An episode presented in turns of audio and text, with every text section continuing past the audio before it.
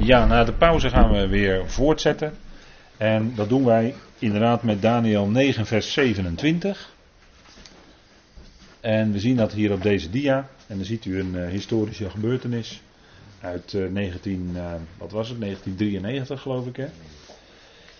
Bij eh, meneer Clinton in de tuin. Maar dat is historie. Maar goed, dat heb ik even aangegeven als een punt van waarop door een aantal mensen misschien wel gedacht werd dat die laatste jaarweek zou beginnen, dat het, of dat het te maken zou kunnen hebben met het inwerking treden van het verbond met velen. Nou, een, uh, er gaat opnieuw dan een woord uit, of er zal waarschijnlijk dan opnieuw een woord uitgaan, hè, zoals we dat voor de pauze met elkaar gezien hebben bij uh, Israël, dat er een woord uitging waarop uh, Jeruzalem herbouwd mocht worden. Dat was ook een bepaald woord of een decreet zou je kunnen zeggen. Uh, net zoals we dat ook vroeger hebben of voorheen hebben gezien, vorige eeuw. Uh, met de Balfour Declaration uit 1917, dat is bijna alweer 100 jaar geleden, van Lord Balfour. dat de Joden dan recht hebben op een, uh, een thuisland in Palestina, dat had geloof mee te maken. En die Balfour Declaration, tussen twee haakjes, die Balfour Declaration die kon alleen maar uitgegeven worden omdat de Rothschilds ja hadden geknikt. Anders was die Balfour Declaration er nooit gekomen. Begrijpt u hoe het werkt? Nee? Nou, zo werkt dat dus in de, in de wereld van vandaag. Er staat in Daniel 9, vers 27. En hij, en zal hij, en dat gaat over die tweede gouverneur die genoemd wordt. In Daniel 9, vers 26 wordt gesproken over een andere gouverneur, met een kleine letter. Dus een andere messiasachtige figuur, zeg maar. En daarvan wordt gezegd, van die andere gouverneur, waarvan wij weten en stellig geloven en aannemen op grond van vele schriftplaatsen, dat dat de wetteloze is, of zo u wilt, de antichrist. Misschien is dat dezelfde figuur, dat weet ik niet. Misschien wel. Maar in ieder geval komt dus die sterke figuur, hè, die kleine horen die opkomt.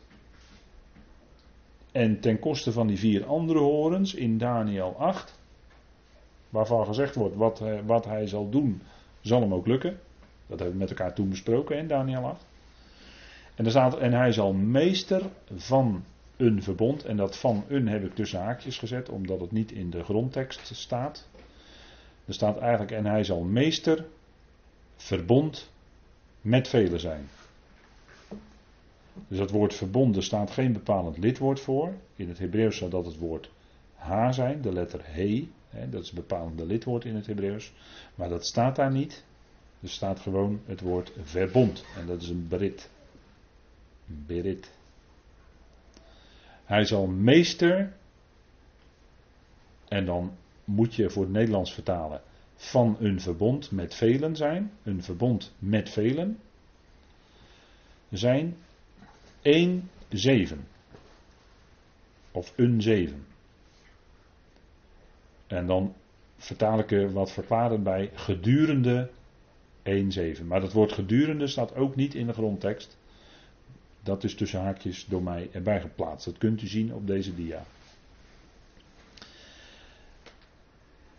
Met andere woorden, dubbele punt, heb ik erbij gezet als uitleg. De wetteloze zal als meester van een verbond met velen zijn. En let op dat hier staat niet het nieuwe verbond. Hier wordt niet gesproken over het nieuwe verbond. Men interpreteert dat wel zo, maar dat staat er niet. En dat is mijn bezwaar. Het staat er niet. En het, uh, dit verbond hier duidt ook niet per se op het oude verbond.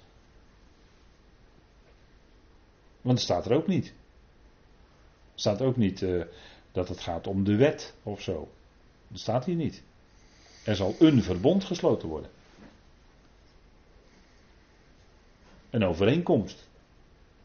En een verbond is altijd met twee partijen. Overeenkomst tussen twee partijen. Dus er zal kennelijk een overeenkomst gesloten worden over, en waar gaat het over met 70 jaar weken, daar gaan we weer, over jouw volk, Daniel, en jouw heilige stad. Daar zal het om gaan. Dat is de context. En als ik het even hermeneutisch zeg, de nabije context. Dus qua uitleg, hermeneutiek is uitleg. Betekent uitleg. Dat is dus de nabije context. Die zegt dat het gaat om een verbond met velen.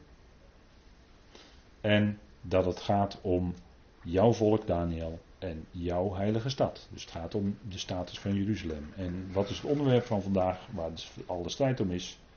Ja, dubbele punt, Jeruzalem natuurlijk. Daar is de strijd om. Ja, natuurlijk is dat zo.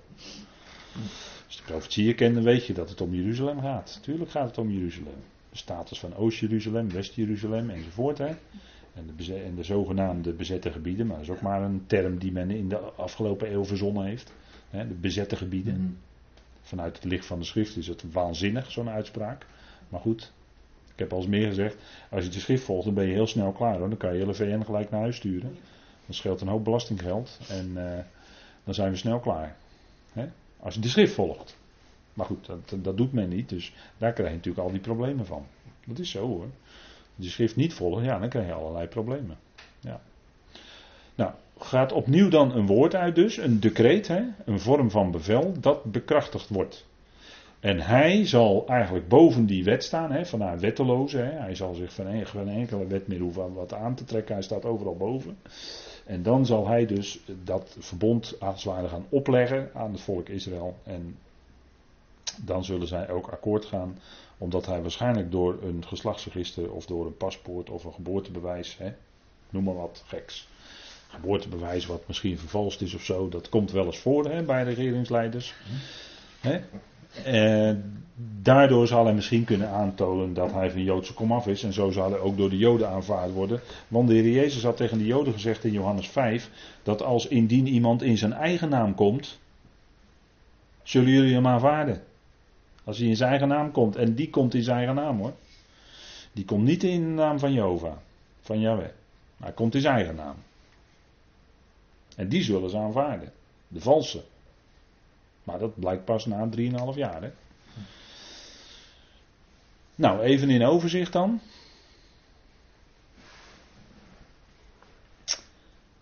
Dit heb ik wel eens eerder volgens mij met u gedeeld. Eerst heb je de roeping van Paulus linksboven op deze dia in dit schema en de gemeente het van Christus. Daarna heb je de opname van de gemeente als afsluiting van die periode. Na die periode, of na de opname van de gemeente, krijg je de 70ste jaarweek. Dat is wat mijn stellige overtuiging is. Mijn stellige overtuiging is dat de opname van de gemeente, de wegrukking, voor de 70ste jaarweek gaat plaatsvinden. En niet vlak voor het midden van de 70ste jaarweek. Dat wordt vaak gedacht, maar goed, ik ben misschien eigenwijs. Maar ik ben heel stellig dat dat waarschijnlijk toch voor die jaarweek zou moeten gebeuren. Maar dat is mijn geef ik maar even mee ter overweging. En ik heb daar in de loop van de tijd ook diverse redenen voor aangevoerd waarom ik denk dat dat zo is. Nou, dan krijg je dus uh, de 70ste jaarweek, het verbond met velen. En die 70ste jaarweek is, is verdeeld in twee periodes van 3,5 jaar. In de schrift aangeduid als tijdtijden en halve tijd 42 maanden, 1260 dagen. ik zeg het even snel, want dit veronderstel ik bekend bij u. Daarna krijg je de terugkeer van de Heer Jezus Christus. En die zal zijn voeten zetten op de Olijfberg ter gelegenheid van de verwoesting van Jeruzalem. En degene die willen bestrijden dat Jeruzalem nog een keer verwoest wordt, die wil ik graag wijzen op het vers waar we nu mee bezig zijn, Daniel 9, vers 27. Want daar wordt nogal veel en vaak gesproken over verwoestingen. Een periode die volgt, komt dan nog, dat denk ik, die eindigt met de verwoesting van Babel als hoofdstad van het antichristelijke wereldrijk onder de wettelozen. Want de koning van Babel zal op een gegeven moment ten onder gaan. Hè? Jezaja 13, daar heb ik wel eens een keer op zondag over gesproken. Dat werd me niet in dank afgenomen overigens, maar goed. Dat ik überhaupt op zondag het bestond te spreken over deze dingen, over de toekomstige dingen. Dat werd mij niet in dank afgenomen. Maar goed, dat is even historie. Dat is historie. Ja, u moet, u, u moet eens weten wat voor reacties er soms komen. Maar goed, maakt allemaal verder niet uit. Dan daarna krijg je, na de verwoesting van Babel, krijg je dat Satan gebonden is en Christus Jezus regeert duizend jaar lang. Wil niet zeggen dat hij letterlijk duizend jaar lang op aarde is. Dat wil het helemaal niet zeggen. Want de troon van Willem-Alexander staat hier in Nederland. Maar hij kan net zo goed met Maxima in Australië zijn hoor. En dan is hij nog steeds koning in Nederland. Ook al zit hij daar lekker in de zon met zijn Maxima te genieten. He? Dat gun ik hem hoor, daar gaat het verder niet om. Dat gun ik hem helemaal. Dat vind ik allemaal prima. Maar even om het aan te geven. Als Christus Jezus de troon heeft in Jeruzalem, hoeft het helemaal niet te zeggen dat hij letterlijk in Jeruzalem is. Hij kan ook te midden van de hemelingen zijn. Maar ondertussen regeert hij wel op aarde hoor. En David is koning. Wordt me ook bestreden hoor dat ik dat zeg. Maar het staat er gewoon, dat heb ik u laten zien. Zes, zeven keer staat het gewoon expliciet in de schrift. En daar hou ik het toch maar op. Koning David zal koning zijn in Jeruzalem. Staat, ze staat er gewoon. Dus ja. Sorry. Daarna krijg je dus, in die periode is dus Satan gebonden, hè, de duizend jaren. Opgeruimd staat netjes, lekker rustig, in die put, deksel erop, verzegeld, wegwezen jij. Duizend jaar lang weg, lekker rustig hier op aarde. Maar goed, nou dat even qua overzicht, even tussendoor. Dan heeft u even voor ogen hoe de opeenvolgende gebeurtenissen, hè, de, de hoofdzaken, uh, hoe die zich gaan afspelen in de toekomst als je de profetisch woord volgt. Goed, we gaan weer terug naar Daniel 9, vers 26. Want wat zal die andere gouverneur, wat zal hij doen, hè, die meester van het verbond met velen, wat zal hij doen? Nou, er staat, en op de helft van de zeven, dat is dus die 70ste jaarweek, zal hij het offer doen ophouden en de naderingsgaven dat wijst eigenlijk, qua woord wijst dat op het spijsoffer. Hè? Spijsoffers onder meer. de korban. Weet u wel? Korban. Korban betekent nadering eigenlijk. En het offer dat heeft te maken met slachtoffers. dus de, zeg maar het, uh, het uh, zondoffer en het schuldoffer. En uh, het brandoffer. letterlijk het opstijgenoffer. Dat staat allemaal in de Viticus, maar daar gaan we nu ook niet te diep op in, want dat is weer een hele andere studie. Maar hij zal het offer en de naderingsgave doen ophouden. En nu zeggen uitleggers dus dat dat is opgehouden door de dood van Christus. Die zeggen dan, ja, door de dood van Christus was dat allemaal niet meer nodig, hoef je geen offers meer te brengen enzovoort. En zo probeert men dit te verklaren. En dan dat, dat, daar kom je eigenlijk niet mee weg, lijkt mij. Omdat hier duidelijk staat dat er sprake is van een offer en naderingsgave die daadwerkelijk gebracht worden. En dat kan niet anders zijn dan in Jeruzalem, bij een vorm van tempeldienst. En die letterlijke offeranden en naderingsgaven, dat zal hij stopzetten. Dat staat hier. Het gaat hier niet om de geestelijke zegeningen van de dood van Christus. Dan, dan leg je iets in deze tekst wat hier niet staat. Hier staat dat hij expliciet deze dingen die dan plaatsvinden daadwerkelijk. En niet de enige is dit in Daniel, dat hebben we gezien met elkaar. Er zijn meerdere schriftplaatsen die daarop wijzen. Waar, waar ook een, het voortdurende wordt dan soms genoemd. Of eh, meer van dat soort uitdrukkingen. Maar hij zal dus het offer en de naderingsgave zal hij doen ophouden op de helft van die zeven. En in het verleden, in de tijd van de apostelen zeg maar, evangelie handelingen, is dat nooit gebeurd op die manier. Is nooit gebeurd. Kan je niet aanwijzen in de geschiedenis. Is niet beschreven. En de verwoesting van Jeruzalem, dat was pas in het jaar 70. Nou, dan ben je een heel stuk verder hoor. Als je praat over de verwoesting van Jeruzalem. Toen kwamen de Romeinen voor Jeruzalem onder leiding van Titus de generaal Titus. En toen werd Jeruzalem verbrand, verwoest. En wordt ook niet over verbranding, gaan we nog zien, wordt in dit vers ook niet gesproken over de verbranding van Jeruzalem. Er wordt een ander woord gebruikt. Wat wijst op iets heel anders. Gaan we nog zien. Nou, op de helft van de zeven zal hij het offer doen ophouden en de naderingsgave. Dit is nog nooit gebeurd. De gewone offeranden die gebracht werden in Jeruzalem en met de feesten, dat ging gewoon door, ondanks het feit dat Jezus Christus was gekruisigd en opgewekt uit de dood. Maar het ging gewoon door. En wat mij betreft tot het jaar 70, totdat Jeruzalem verwoest werd. Want de Joden die geloofden totaal niet in de Heer Jezus Christus. Ze hebben gezorgd dat hij gekruisigd werd. Hè? Dat zei Petrus tenminste op de Pinksterdag. Die zei, die jullie gekruisigd hebben, zei hij tegen de Joden. Hè? Jullie. Zijn die letterlijk. Die jullie gekruisigd hebben. Deze Jezus die jullie gekruisigd hebben. Ja, dat zeg ik niet, dat zei Petrus toen.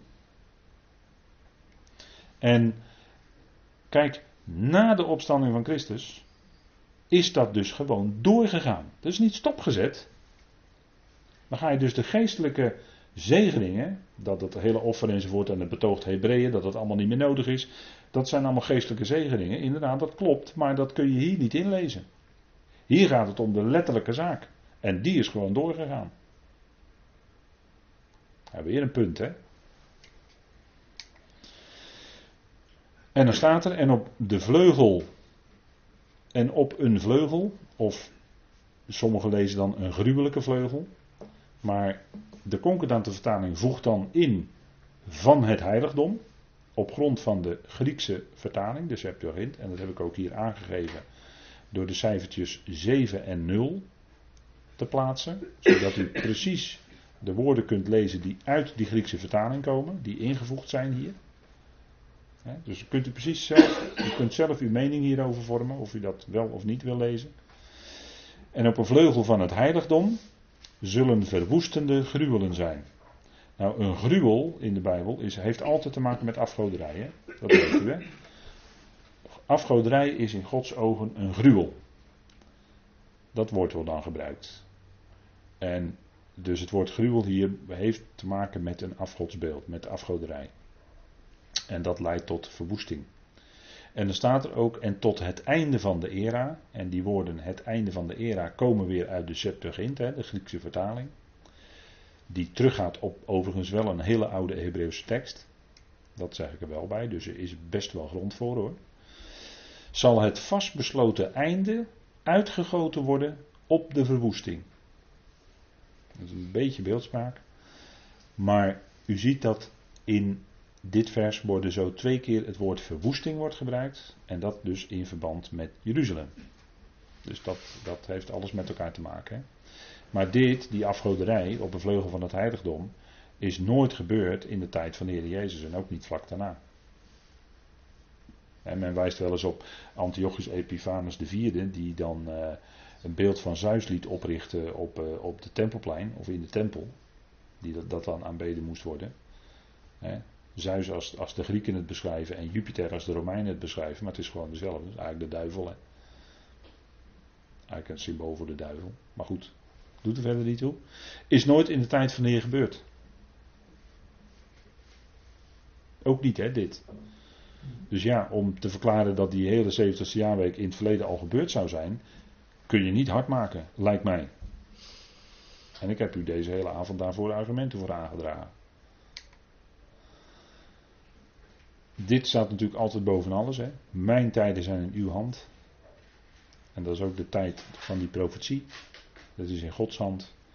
En als God het baagt om de tijd voor Israël stil te zetten, en hij doet dat misschien wel bijna 2000 jaar, nou dan is dat toch Godszaak. Dat is toch verder hoeven wij toch niet moeilijk over te doen. Als God dat zo doet, nou dan doet hij dat zo. Dat is zijn plan. En dat zal dan het beste zijn, kennelijk.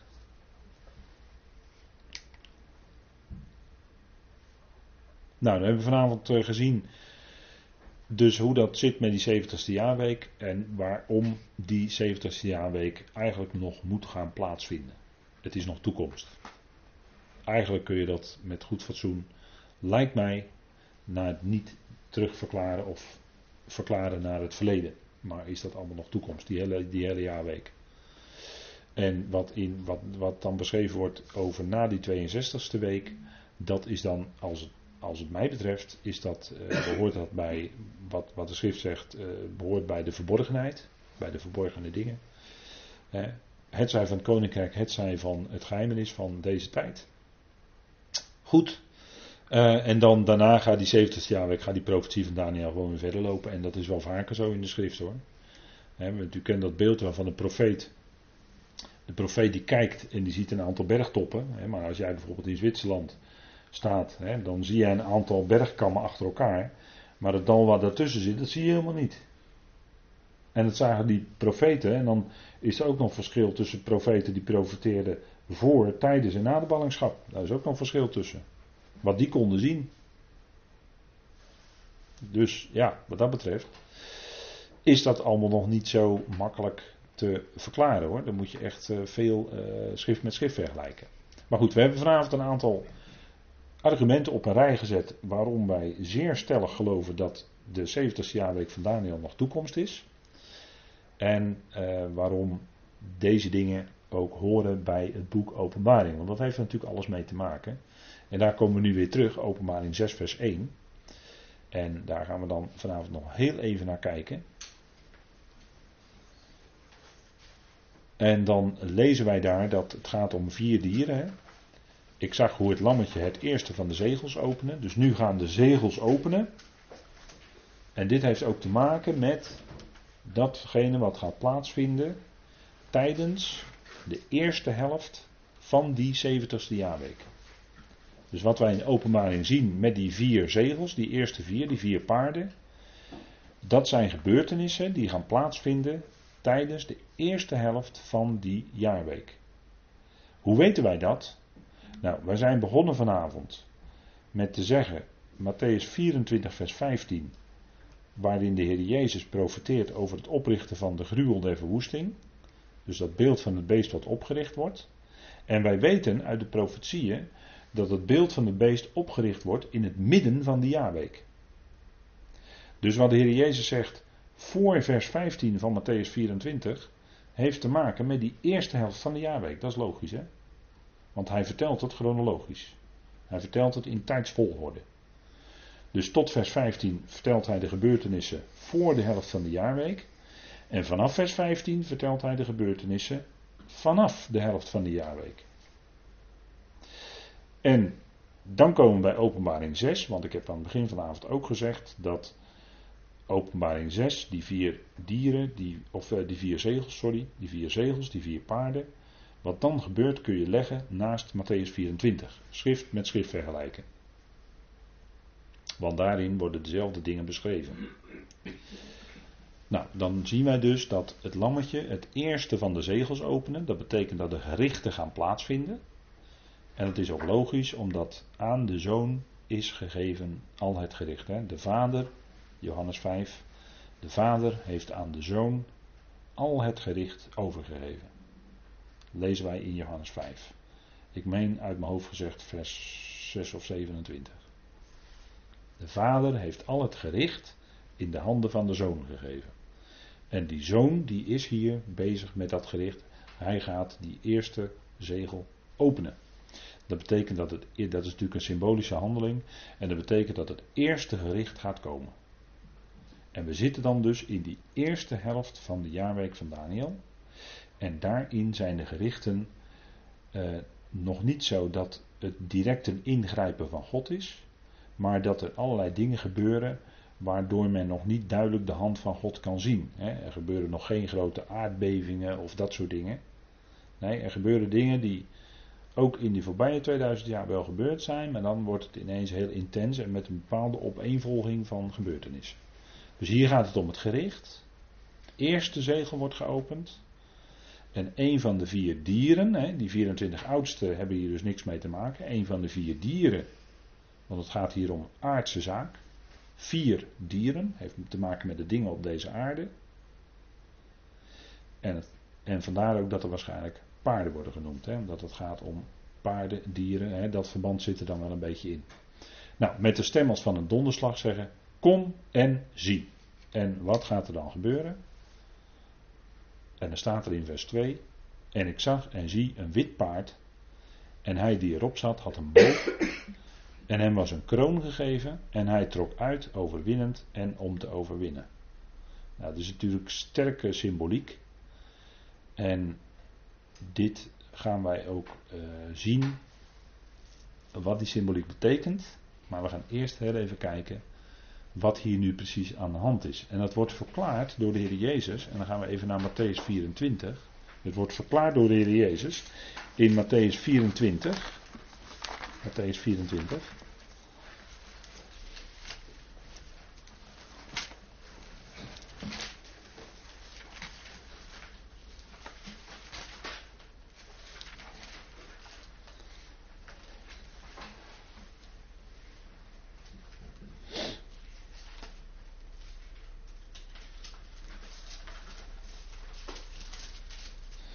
Dan specifiek gaat het hier om vers 4 en 5.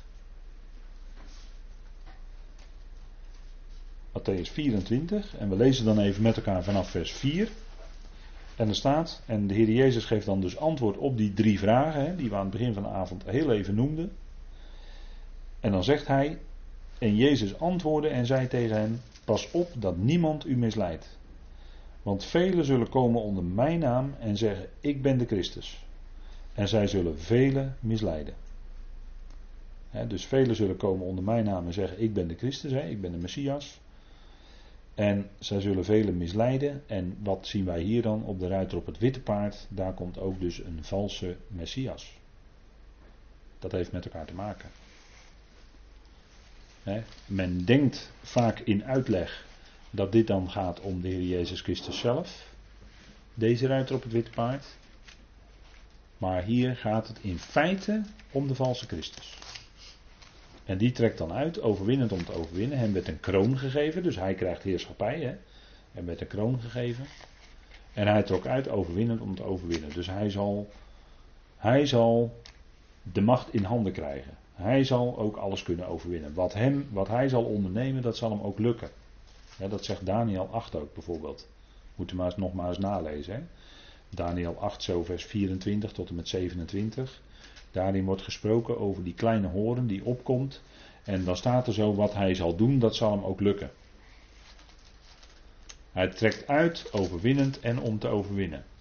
En de Heer Jezus zegt ervan, er zullen velen komen en zeggen, ik ben de Christus, tot en met de laatste natuurlijk. Dat is dan de valse Christus. Maar tot die tijd zullen er ook velen komen die zeggen: Ik ben de Messias, ik ben de gezalfde. Maar dat zullen in feite antichristussen zijn. Hè? Zij stellen zich in plaats van Christus. Nou, gaan we even naar Marcus 13, vers 6, want daar wordt ook iets gezegd. Dat is ook een vergelijkend gedeelte.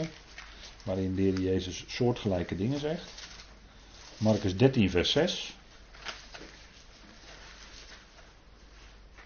En dat is bijna hetzelfde als wat wij net lazen. En misschien vers 5 ook even bij. Marcus 13, vers 5.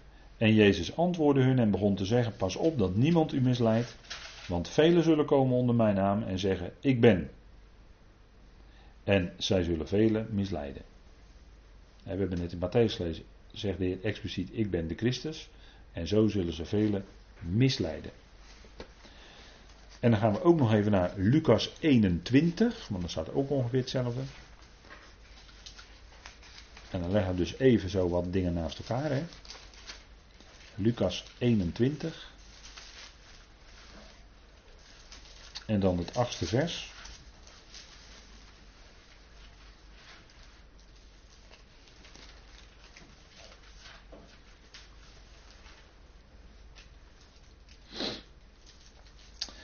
En hij zei: Pas op dat niemand, pas op dat u niet misleid wordt. Want velen zullen komen onder mijn naam en zeggen: Ik ben. En de tijd is nabijgekomen. Ga hen dan niet achterna. dus de gelovigen uit Israël zullen dit dan ook lezen in die tijd. He, degenen die in de Messias geloven, die dan zullen leven in Israël, die zullen dit lezen en die zullen niet misleid kunnen worden. Want die zullen door de Heer op grond van het woord bewaard worden. Voor het achternagaan van deze valse Christus. Die zullen herkennen dat dit de valse Christus is. Die komt in zijn eigen naam, die zich zal voordoen als de Messias.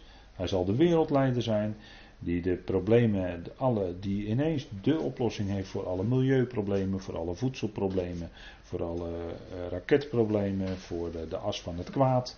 En noem alles maar op, hij zal ineens de oplossing hebben. Want hij moet komen. En hij moet, hij moet zorgen dat voor alle problemen, hij gaat ook vrede brengen. Hij gaat oplossingen bieden. En hij zal dan ook oorlogen uh, doen ophouden. En hij zal ook enorme macht hebben. Want kijk, in zijn hand is een boog. Dat we zeggen dat, dat, dat hij over een afstand in staat is om dingen te kunnen beslechten.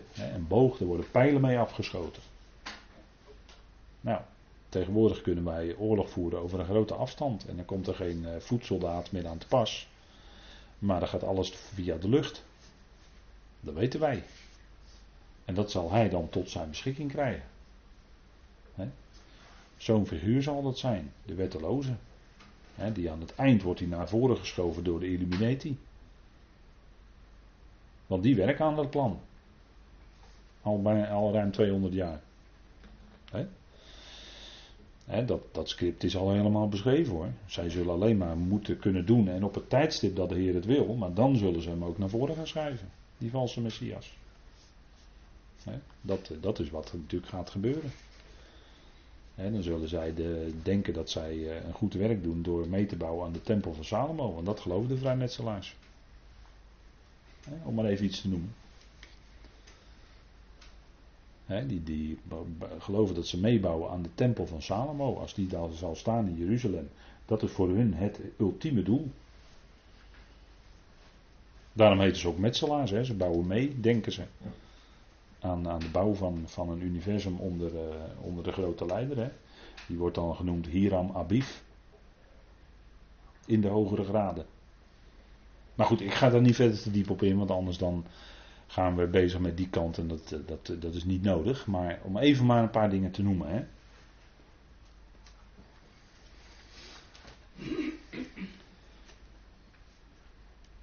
Nou, dus die gaat komen, hè, die ruiter op dat witte paard. En wat is dan de symboliek daarin? Nou, wat hem doet, lukt hem ook. Hè? En wit, dat wil zeggen, dat is iets nobels, hè? edel. Het zal een, hij zal naar voren geschoven worden in de media als een nobele, edele figuur. Die de oplossing heeft. De diplomaat. Hè, die het allemaal prachtig kan uh, zeggen. En hij zal natuurlijk de televisiekanalen over de hele wereld kunnen bespelen. En noem alles maar op. Dat kan allemaal tegenwoordig. Toen dacht, hè, honderden jaren geleden lachte men uit als je dat geloofde op grond van de Bijbel. Maar tegenwoordig kan het allemaal gewoon. Televisiekanalen, wat zeg ik, internet. Op je, op je smartphone. Waar je ook bent, in de straat of in de metro of uh, weet ik waar je bent, op je werk. Je kan het allemaal op je schermpje, op je smartphone, kan je het zien. En dat gaat van Afrika tot, eh, tot, eh, tot Azië, Zuidoost-Azië, Europa, Amerika aan toe, want iedereen heeft tegenwoordig een smartphone.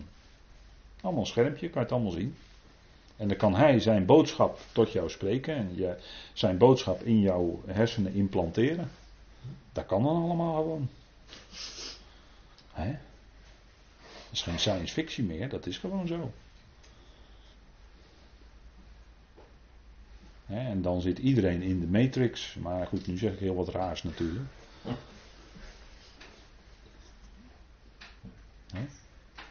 Zeg ik nu wat geks? Ik zeg wat geks, denk ik. Ben, uh, ja. Het is het eind van de avond en dan ga ik misschien rare dingen zeggen. Maar goed, wit is, uh, heeft te maken met nobel en edel. Een paard staat altijd als symbool voor de strijd. Die beelden kennen wij niet zo goed, want wij laten een paard lopen op een concours hippiek bijvoorbeeld in Rotterdam. En die gaat dan over hoge schansen springen en zo binnen een bepaalde tijd. Maar een paard in het Midden-Oosten is eigenlijk gewoon voor de strijd hoor. Want in het Midden-Oosten had je een os als je het land ging bewerken. En dan, je, dan hing je dan een ploeg achter of een eg en dan ging je het land bewerken. En je had een ezel als lastdier. En als je ver moest reizen, ga je niet op een paard, maar dan ga je op een kameel. Maar als een paard. En in de wet stond ook dat een koning niet te veel paarden mocht houden. Maar ja, wat de koning van Israël, die hielden dus wel veel paarden. En er waren heel veel paardenstallen. En ze zeiden heel lang, kan niet. Totdat ze het gingen opgraven. En toen zeiden ze allemaal, het kan wel, want we hebben het opgegraven. En het stond in de Bijbel. Dat er veel paardenstallen waren bij Salomo. En dan werd er dus lang om gelachen, maar ja, nu is het lachen wel vergaan. Hè? Want het, staat, het is gewoon zo. Het is aangetoond al dat het zo was. Nou, paard is symbool voor de strijd. Hè? Dat zegt Spreuken 21 vers 31 ook. Dus het staat gewoon in de Bijbel dat het zo is. En een boog betekent dat er oorlog of strijd is op een afstand, of dat hij in staat is op een afstand een strijd te beslechten. Nou, we kunnen raketten afschieten over duizenden kilometers hè, met kernkoppen erin. Dus ja, het kan allemaal gewoon. En hij is overwinnend. En het is een wit paard. En dat betekent nobel, edel. En hij zal dan ook de vrede brengen. In tegenstelling tot het volgende paard. Dat is het rode paard. En dat is weer heel wat anders. Maar daar gaan we de volgende keer naar kijken. Want ik denk dat u nu wel weer genoeg gehad heeft voor vanavond. Het was weer heel wat, denk ik. Dus ik stel voor dat wij gaan afsluiten. En dan gaan wij de volgende keer, en dat is over enkele weken al, gaan wij verder met deze dingen. Zullen wij de Heer danken? Vader, we danken u dat we over deze dingen mogen nadenken en met elkaar mochten spreken. Dank u wel dat u ons licht verschaft door uw woord. Vader, het enige wat we willen is uw woord naspreken. En zoeken in dat profetische woord wat geschreven staat. Vader, en soms is het nodig om de dingen ook wat scherper naar voren te brengen. Opdat het goed duidelijk is hoe de profetie en het profetisch woord zich ontwikkelt en waar de dingen over gaan. Vader, dank u wel dat u daarin ons stapje voor stapje licht verschaft. En dank u wel voor bekwame uitleggers van uw woord, waar we dankbaar gebruik van mogen maken. Vader, om dat door te dragen. Vader, dank u wel dat u dat mogelijk heeft gemaakt en dat u het ook mogelijk heeft gemaakt om ja, eigenlijk in de afgelopen 200 jaar uw woord zo bekend te maken, de mogelijkheden te geven dat we uw woord ook zo diep kunnen bestuderen. Vader, dank u wel dat u dat geeft en dank u wel dat we mogen uitzien. En daar gaat dit boek over, Vader. Het is de onthulling van uw zoon, het is de onthulling van Jezus Christus. Hij gaat komen en hij gaat deze wereld verlossen. Te beginnen met het volk Israël van alle onderdrukking en vijandschap. Vader, dank u wel dat dat toekomstmuziek is en dat het slechts een kwestie van tijd is. Vader, wij weten niet hoe lang nog, maar we zien dat het steeds dichterbij komt. Vader, we danken u dat Hij zal komen, uw zoon, de geliefde. Hij die alles voor ons en voor de hele schepping heeft overgehad door een smadelijke dood te sterven aan het kruis. En opgewekt te worden uit de dood. Vader, dank u wel dat u hem aanstelt ook als degene die verlossing gaat brengen over deze hele wereld. Dank u wel, Vader, dat wij een eerdere verwachting hebben dan Israël. En dat wij weggerukt worden met de bazuin. Vader, precies op tijd. En naar we stellig geloven voordat deze dingen allemaal gaan gebeuren. Vader, dank u wel dat u ons ook zo deze avond gaf. En dat het altijd toch ook een rijke zegen biedt als we inzicht en hoop en verwachting krijgen door dat profetische woord. Uitzicht op wie u bent, Vader. Uitzicht op het feit dat u werkelijk alles in uw hand heeft. En dat niets buiten u omgaat. Vader, dank u wel dat we u daarvoor mogen danken, loven en prijzen. Dank u wel dat u met hen bent die misschien er vanavond om reden niet bij konden zijn. En we bevelen onszelf bij u aan, Vader. Ga met ons mee, ook in de komende uren, de komende dagen. Wees ons nabij, Heer. En bid ook het bijzonder voor hen die oud zijn en misschien op dit moment zwak of ziek zijn. Willen ook nabij zijn, Heer. En datgene geven wat nodig is. Vader, we danken u voor uw trouw, goedheid, liefde. Voor uw zorg. Dank u wel dat we deze dingen met elkaar ook zo mogen overwegen. Dat u daarvoor de gelegenheid geeft. Vader, we danken u daarvoor in de machtige naam van uw geliefde zoon. Amen.